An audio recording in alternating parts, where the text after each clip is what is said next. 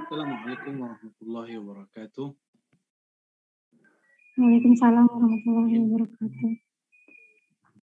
الحمد لله الذي أرسل إلينا نبينا محمد صلى الله عليه وسلم تكميلا لمحاسن الأخلاق. أشهد أن لا إله إلا الله. أشهد أن محمدا عبده ورسوله. اللهم صل وسلم وبارك على سيدنا محمد. Baik, eh, yang saya hormati Bunda Dr. Zahriyah ya. Semoga dalam ridha Allah Subhanahu wa taala begitu juga para adinda, para mahasiswa khususnya mahasiswa komunikasi semoga selalu dalam uh, semangat himmah yang tinggi untuk menggali keilmuan apa saja ya insya Allah kita akan coba membicarakan tentang akhlak ya, manajemen akhlak agar taat kepada Allah. Ya, sebelumnya mari kita baca eh, surat Al-Fatihah. Semoga Allah membuka pikiran dan hati kita semua. Salam. Ala hadinnya wa Al-Fatihah. Bismillahirrahmanirrahim. Alhamdulillah Rabbil Alamin. Ya Allah. صراط الذين أنعمت عليهم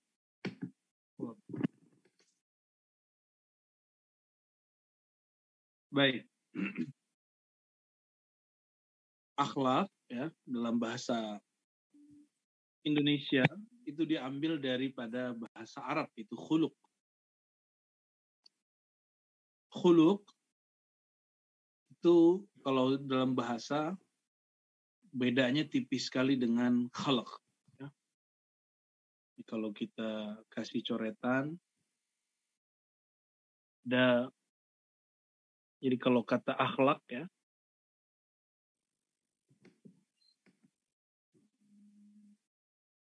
kata akhlak itu ini kalau bahasa Arabnya begini, akhlak.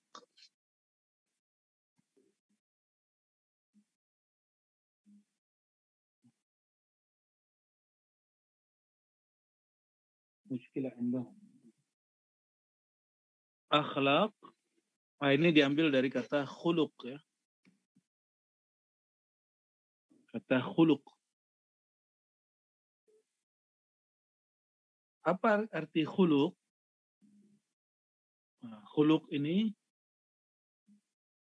hampir mirip dengan kata khalq ada satu lagi khalq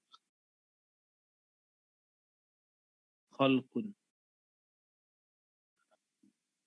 Apa beda khuluk dengan khalkun? Khalkun itu bentuk dari ciptaan zahir. Jadi zahir ciptaan. Nah, zahir ciptaan seperti muka yang cantik, wajah yang ganteng, ya. Adapun khuluk, ya, khuluk itu nilai nilai yang ada, nilai yang dibawa dari wajah yang cantik itu, dari badan yang keren itu, ya, suara yang indah, nggak cukup. Maka ada harus ada nilai, ya, harus ada nilai.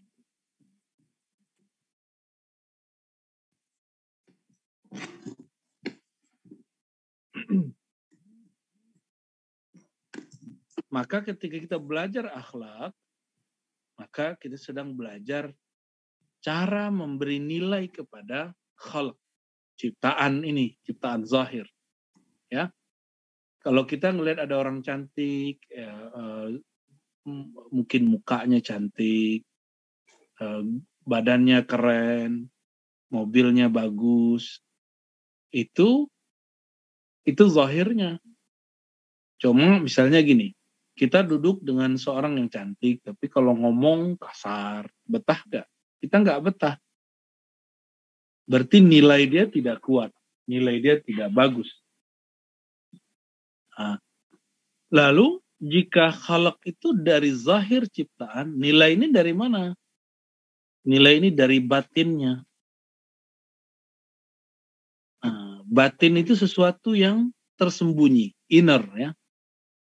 Sesuatu yang tersembunyi yang ada di dalam diri manusia. Ada yang ada di dalam jiwa manusia. Ya. Oleh karena itu, apabila kita faham bab ini, kita nggak hanya akan sibuk membaguskan pakaian zahir, membaguskan uh, dandanan zahir, nggak cukup hanya hadis sampai di sana. Harus mulai kemudian memperhatikan nilai yang ada di batin tersebut. Nah, ini pakarnya di sini ada Imam Ghazali, ada Imam eh, Ibn Arabi, dan imam-imam yang lain yang mereka sudah mengajarkan kepada kita bagaimana cara untuk mengupgrade nilai-nilai daripada akhlak. Ya. nah, kita buat uh, lanjutannya ya. Jadi jika hal ciptaan zahir itu dari penampilan fisik, ya. Jadi kalau khalq tadi ya, khalqun yang zahir itu dari fisik. Maka yang ini khuluk ini diambil dari nilai non fisik. Diambil dari non fisik. Nah, nilai non fisik itu ada di mana? Nah, non fisik kita itu ada pada dua hal ya. Ada pada jiwa, ada pada kolbu. Ini harus dibedakan. Ada pada jiwa, ada pada kolbu. Sebenarnya ada satu lagi yaitu ruh. Ada pada jiwa, kolbu, dan ruh. Kalau fisik, nah ada yang agak semi-semi uh, tidak fisik. ya Fisik seperti tubuh, ya. Ada yang semi-semi, ini semi-semi di sini. Kita sebut akal. Nah, ini Adinda ini sekolah, kuliah, itu kan mau membaguskan akal biar dapat gelar. Biar nanti di belakangnya ada S kom misalnya, sejarah apa? Komunikasi, manajemen komunikasi dan lain sebagainya. Nah, itu usaha kita. Cuma sayangnya kan nggak ada sekolah sekolah akhlak kan nggak ada. Hatta jika ada di kampus itu jurusan tasawuf misalnya itu bukan bukan jurusan akhlak itu cuma ilmu tentang tasawuf maka di sini fokusnya harus di mana kalau kita diskusi di kampus kan yang kita diskusikan ilmu akal. Ya yang kita diskusikan ilmu akal. Ilmu tubuh mungkin teman-teman yang kuliahnya biologi yang kuliahnya ilmu ilmu eksak ya. Sedangkan ilmu khuluk ilmu tentang jiwa, tentang kolbu, tentang ruh, ini nggak ada di kampus. Walaupun ada mata kuliah filsafat, mata kuliah tasawuf, mata kuliah tentang uh, akhlak, ya itu cuma sebatas materi-materi aja. Nah, ini adanya pada ahli-ahli jiwa. Nah, jiwa ini melahirkan ilmu, nanti kita sebut nanti ilmunya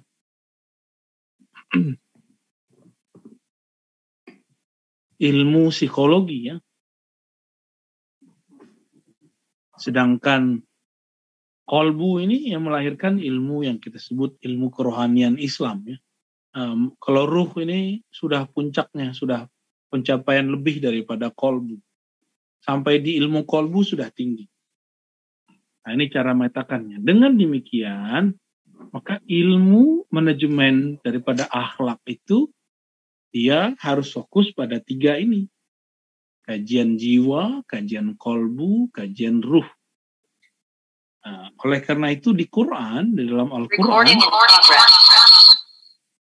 kolbu itu dibagi tingkatannya. ya Ada tingkatan-tingkatan kolbu. Sebelum membagi tingkatannya, kita harus lihat kolbu itu kan bahasa Arab kolbun ya apa arti kolbun sesuatu yang berubah-ubah berubah Itu kolbu itu artinya. Apalagi artinya elastis. Itu kolbu tuh. Ya. Nah, kolbu yang sering berubah-ubah, yang sering yang elastis itu dia mempunyai kemudian tiga kondisi kalau kebanyakan yang kita lihat di Quran ya. Yang pertama paling bawah dulu deh ya. Itu kolbun mayit, kolbu mati. Ya, kolbu yang mati, kolbun mayit. Kolbu yang mati mau diapa-apain sama aja. Itu yang disebutkan dalam surah Al-Baqarah ayat 6. Innal ladzina kafaru sawa'un alaihim. Ya. Anzartahum am lam tunzirhum la yu'minun. Orang-orang kafir itu sama aja pada mereka. Ya, engkau ingatkan, engkau tidak ingatkan sama. Kenapa? Ya ada tutupan pada uh, pada diri mereka. Kalau dalam psikologi kita sebut uh, mental block ya. Di dalam mentalnya itu ada satu yang ngeblok sehingga dia tidak bisa nerima kebaikan mana pun. Nah, ada yang kedua, marit, ya, kolbu yang sakit. Kolbu yang sakit. Kolbu yang sakit, nah, kalau fisik sakitnya ada luka, ada demam, ya apalah kalau sekarang lagi musim batuk, nah itu penyakit fisik. Kalau kolbu apa penyakit kolbu? Ya, penyakit kolbu dimulai daripada uh, syirik ya. Ini paling bahaya. Ada syirik khafi, ria, ada sombong, ada iri, ada sum'ah pamer ya.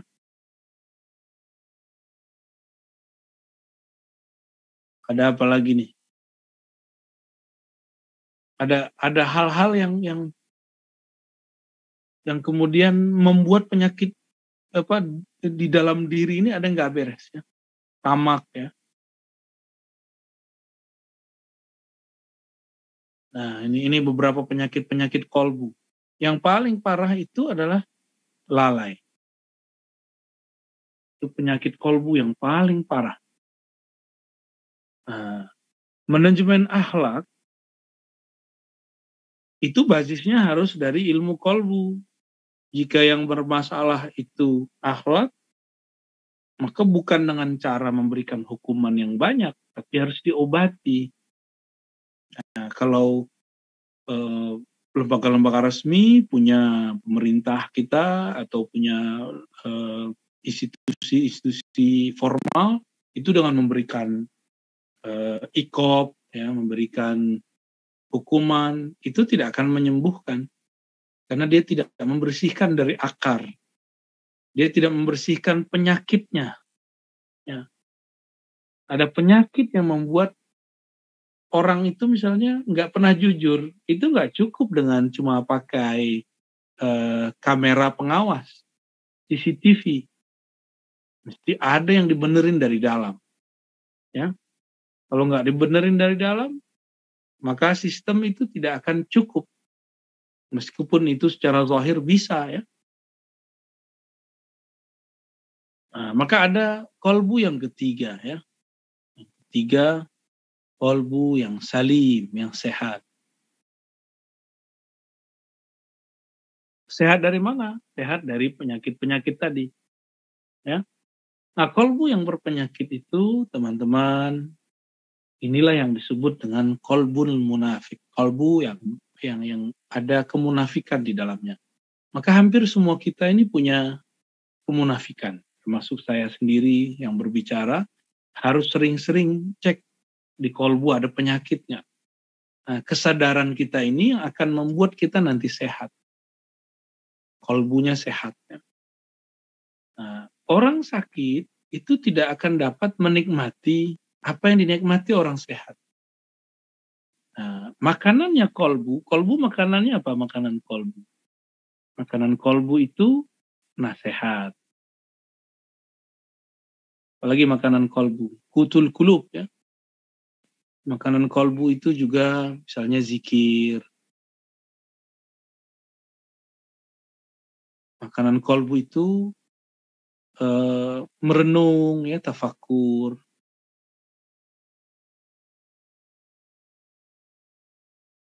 Nah, kalau kolbu berpenyakit, itu ada orang kasih nasihat, kita anggap bilang dia sombong. Kalau ada orang zikir, kita bilang bid'ah, bid'ah nih ya. Kalau kita ada orang tafakur, kita bilang, ah ngelamun dia, gila dia. Gitu. Ini kalau kolbu lagi penyakit. Sama kayak kita ngasih makanan kepada orang yang sakit, dia muntah-muntah. Padahal makanannya enak. Nah, kira-kira begitu. Ini kalau dibiarkan, dibiarkan, dibiarkan bisa mati, minimal mati separuh kolbunya.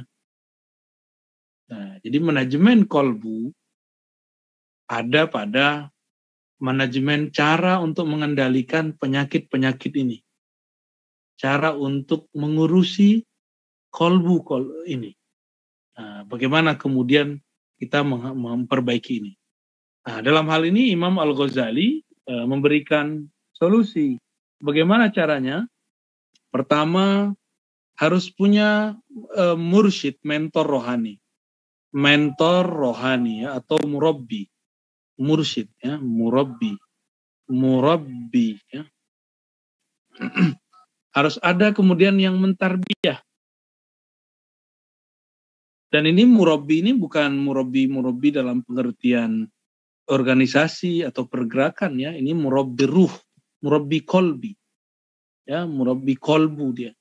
Bukan saya tidak bermaksud ini murabbi yang ada dalam eh, pergerakan-pergerakan di kampus kah atau pergerakan-pergerakan dalam politik ya.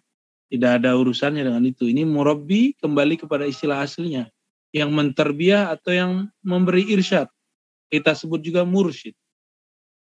Mursyid di sini bukan berarti yang kolektor ijazah, yang punya ijazah torikot banyak bukan ya. Tapi eh, ini orang-orang yang kolbunya sudah pernah dididik. Dokter itu dia tahu cara ngobatin penyakit, bukan berarti dia terbebas dari penyakit. Nah ini kata kunci. Si murabbi, si mursyid ini bukan berarti orang yang suci, tapi dia mengerti cara memanajemen kolbu, mengerti cara mengobati kolbu termasuk kolbunya sendiri. Jadi kalau dia rusak kolbunya dia bisa obati. Nah, jadi jangan salah paham juga kemudian memahami kalau ustadz, murabbi, mursyid itu berarti sudah uh, sudah beres gitu. Enggak. Dia beres karena dia punya ilmu untuk membersihkannya.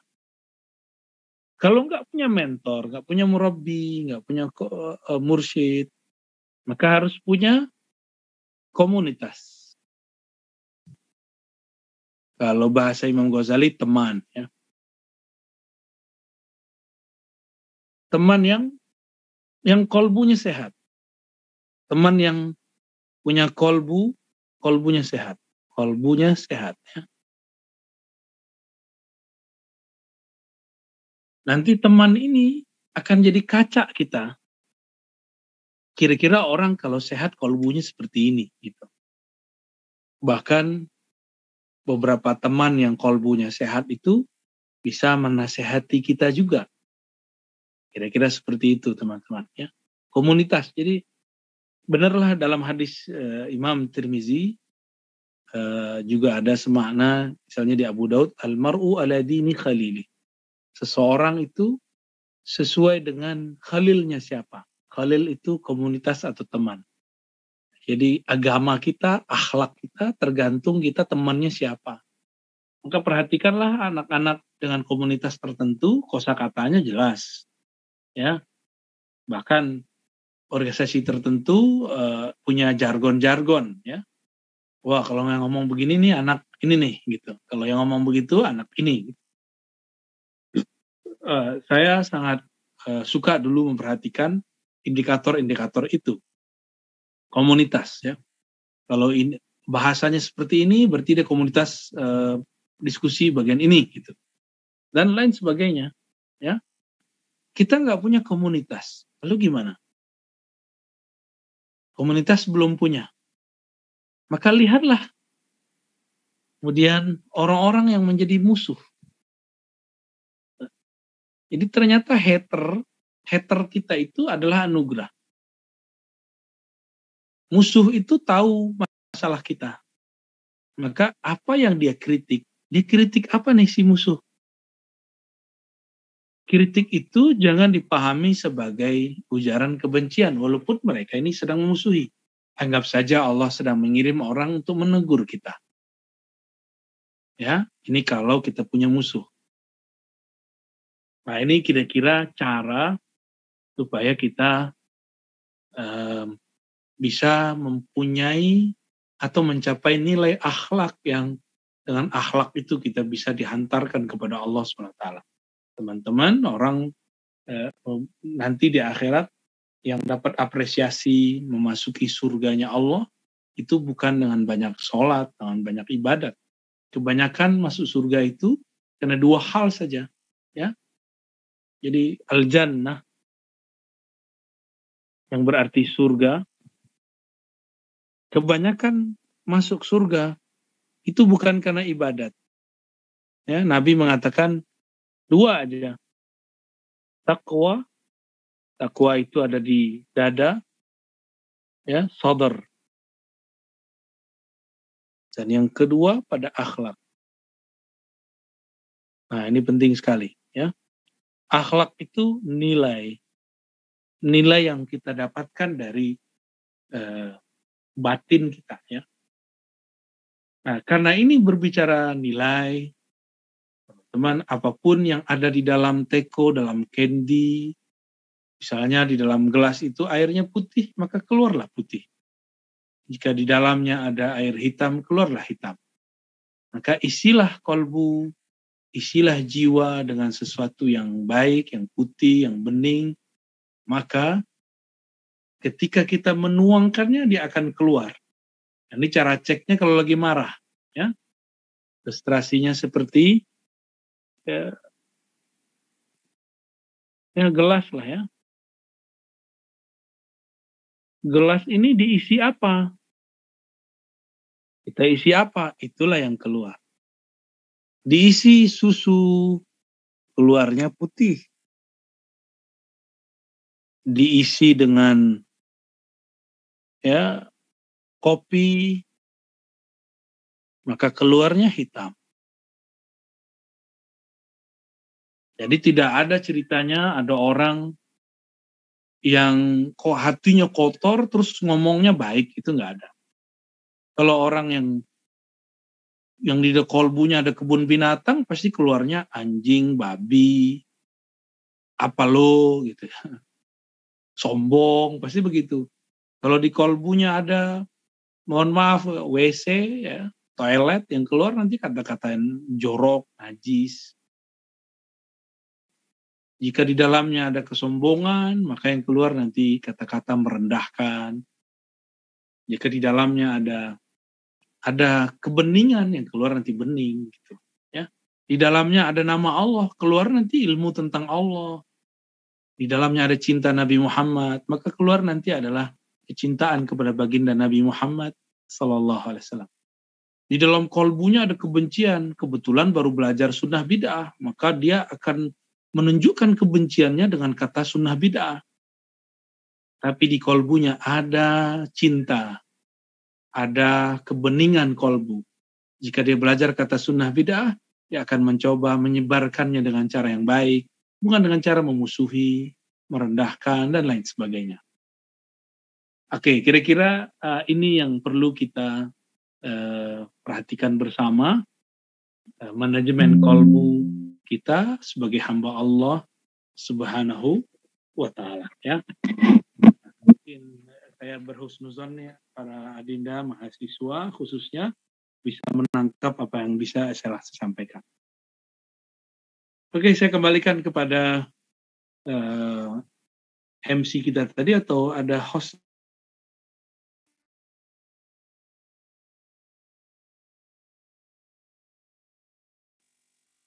Baik, terima kasih Ustadz eh, yang sudah memberikan materi yang sangat luar biasa pada malam hari ini. Eh, semoga dapat bermanfaat dan dapat kita terapkan dalam kehidupan sehari-hari. Baik, selanjutnya eh, kita masuk ke sesi tanya jawab. kita akan memberikan tiga kesempatan untuk uh, para hadirin memberikan pertanyaan. Yang ingin bertanya bisa chat di kolom komentar. Nanti akan kita aktifkan mic-nya. Silakan.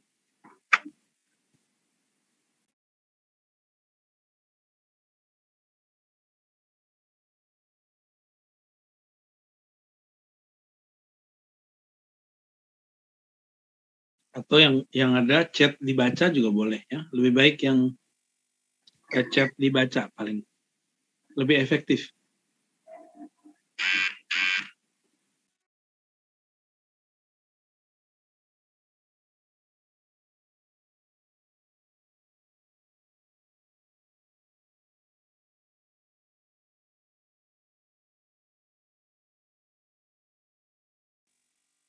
Baik, untuk pertanyaannya mungkin akan saya bacakan saja.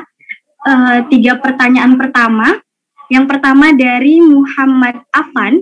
Pertanyaannya yaitu, uh, Assalamualaikum Bu ya. Saya mau bertanya nih, Baginda Rasulullah pernah dicuci oleh malaikat itu kolbunya atau hatinya? Begitu Bu ya pertanyaannya. Ya, yang dibersihkan kolbunya. Kolbu itu hati artinya, tapi bukan hati dalam bahasa kedokteran. Hati dalam bahasa Eh, sehari-hari kita artikan ya kolbu. Eh, kolbu itu berkaitannya dengan jantung. Secara zahir, nah, di hadis itu yang dikeluarkan jantung. Namun karena yang membersihkan itu Sayyidina Jibril, Sayyidina Jibril ini makhluk jisim yang latif. Dia makhluk fisik, tapi fisiknya fisik halus eh, fisiknya udah masuk ke alam metafisika sebenarnya. Maka yang dia bersihkan sisi batinnya Rasulullah. Cuma kemudian divisualisasikan dalam bentuk eh, di bedah dada, dibersihkan eh, jantung. Tapi bukan berarti itu pembersihan fisik saja. Yang dibersihkan adalah eh, batinnya Rasulullah. Lalu setelah itu di, di dikatakan bahwa ada dua ada dua bintik darah hitam di dalam di jantung Rasulullah itu dibersihkan. Dan setelah itu diisi dengan hikmah, diisi dengan iman. Jadi ternyata ini jadi pelajaran besar bagi kita bahwa kolbu itu kita harus isi dengan hikmah, kebijaksanaan, eh, kemudian juga dengan iman, itu keyakinan nanti dia akan melahirkan eh, cahaya-cahaya yang bisa membuat akhlak seorang yang punya kolbu yang bercahaya itu menjadi baik. Ya lebih kurang begitu. Lanjut. Baik, terima kasih Bu ya. Pertanyaan selanjutnya yaitu pertanyaan kedua dari dari Hajah Fitnatul Khair. Buya izin bertanya, bagaimana jika ada ulama yang bilang akhlak itu hasil dari penerapan hukum syara, bukan karena kelihatan baik aja? Begitu Buya. Ya, penerapan hukum syariat itu tidak cukup untuk membuat seseorang jadi baik. Karena hukum syariat yang dia maksud apa? Jika yang dimaksud hukum syariat itu mencakup ilmu yang batin, ilmu yang eh, yang tidak tampak itu benar. Tapi kalau maksud dia orang maling, potong tangan, eh, orang begini dihukum begini, itu babnya bab eh, hukum normatif namanya. Nabi itu tidak menerapkan hukum normatif ketika awal-awal berdakwah. Yang beliau lakukan di awal adalah hukum kesadaran. Bagaimana orang sadar, bagaimana orang yakin. Itu yang pertama kali. Jadi jangan fokus pada ikop, ikop. Ya. Jadi syariat Islam itu bukan hanya berbicara tentang ikop, ikop, ikop, siksa, siksa, siksa. Uh, tapi hukum syariat itu juga ngatur prosesnya. Proses supaya orang ini baik. Itulah yang disebut dalam hadis. Innama bu'istu liutammima masalihal akhlak. Aku diutus hanya untuk menyempurnakan eh, kebagusan akhlak. Bagaimana prosesnya? Itulah yang diturunkan kepada ulama-ulama ahli kolbu. Gak ada di ahli fikih itu. Maka cobalah lihat track record ahli fikih dari zaman masa ke masa. Ahli fikih ya tugasnya menjelaskan hukum. Maka di situ tidak ada perasaan.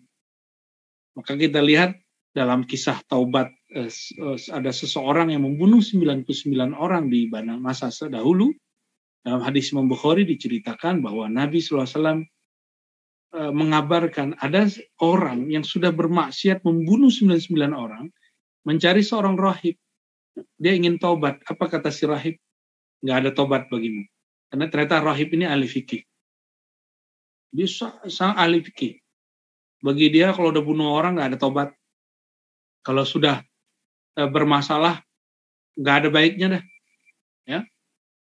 Lalu dia emosi, dibunuhlah orang ini, ahli fikih ini, yang yang disebutkan sebagai rahib. Sampai kemudian ketemu seorang guru di ujung negeri yang dia masya Allah ternyata mengatakan mana yang menghalangi tobat ya malah kemudian dibuka kesempatan agar orang ini bertobat kepada Allah Subhanahu wa taala kira-kira seperti itu ya. Jadi tidak tidak uh, kita harus detailkan dulu ya. Kalau yang dia maksud hukum syariat hukum syara itu cuma zahir-zahir doang ini tidak akan menyelesaikan.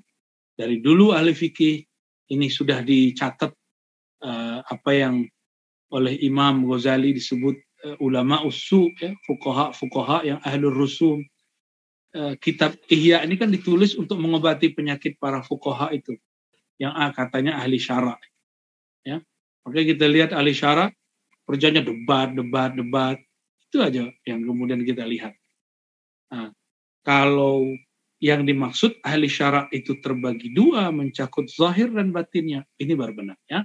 Allah alam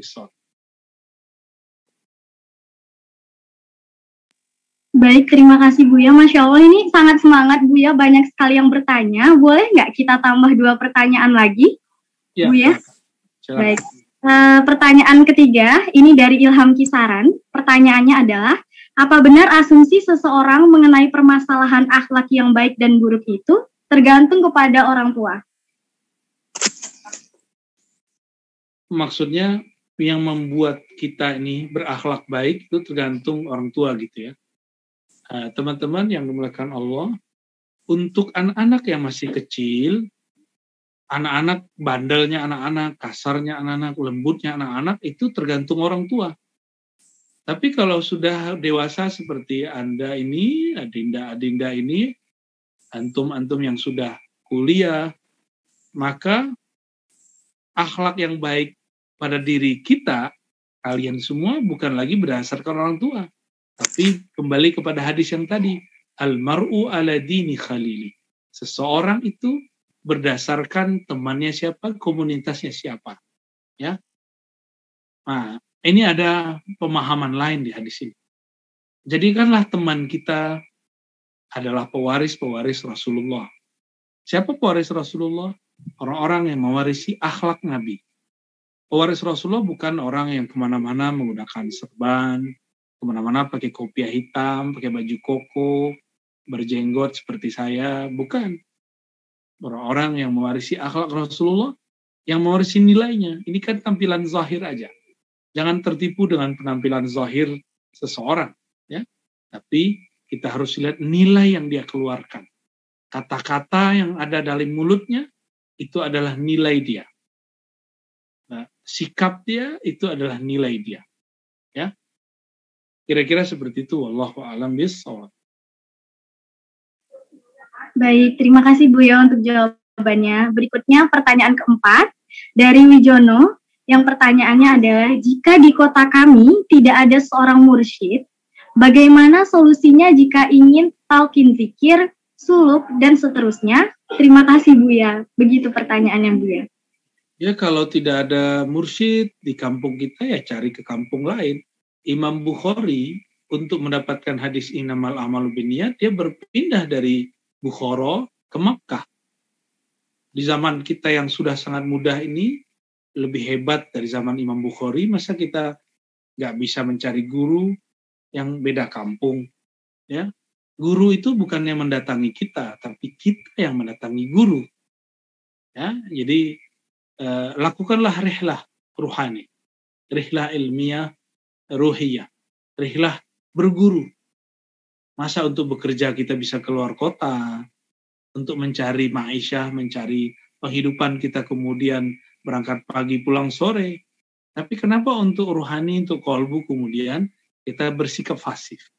Ini uh, harus mulai diperbaiki. Ya, carilah guru meskipun kemudian dia berbeda kota dengan kita. Ya, ya itulah makna ayat Quran. Ya, Siru fil ard, berjalanlah di muka bumi. Itulah lebih kurang maknanya. Wallahu a'lam bishawab.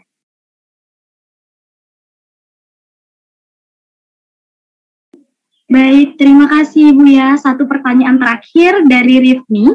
Pertanyaannya yaitu, berdasarkan paparan Bu ya, kita harus punya mentor atau komunis atau teman untuk komunitas atau teman untuk mengobati penyakit kolbu. Yang ingin Anda tanyakan, bagaimana kalau kita tidak punya mentor dan komunitas?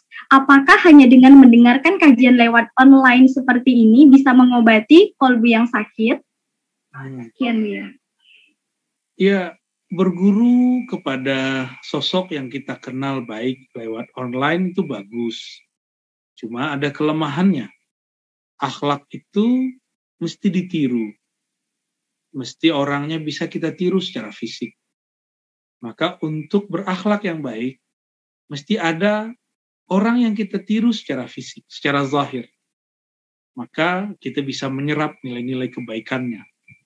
Inilah makna dari kalam uh, Al-Imam Abu Hafsin Umar As-Surawardi dalam kitab Awariful Ma'arif man la syaikha lahu fala man la yara muflihan la yuflih abadan.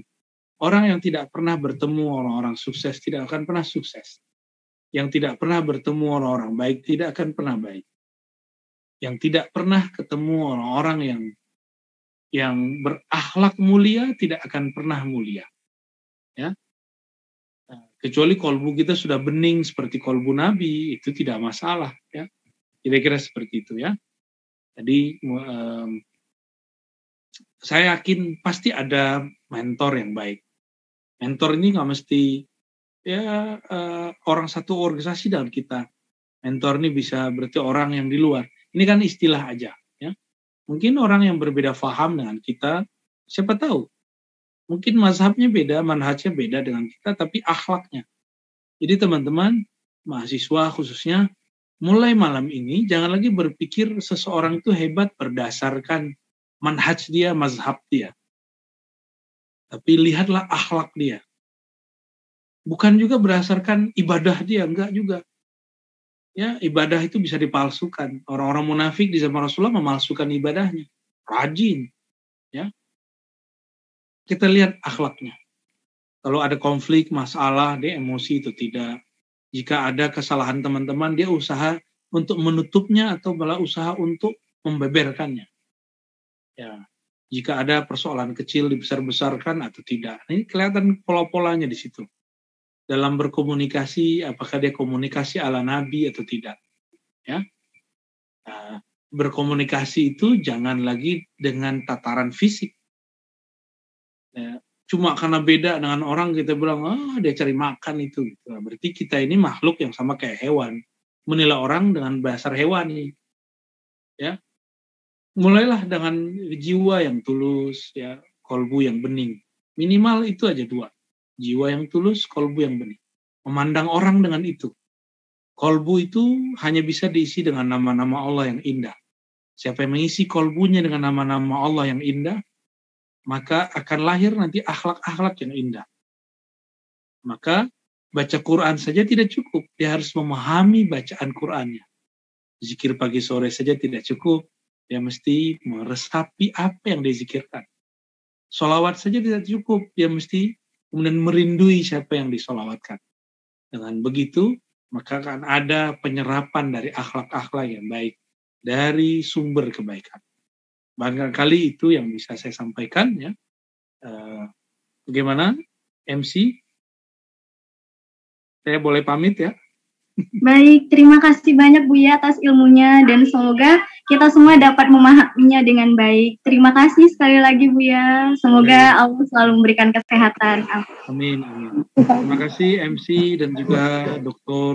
Terima kasih Bu ya. Ya. Mohon izin pamit semuanya. Ya.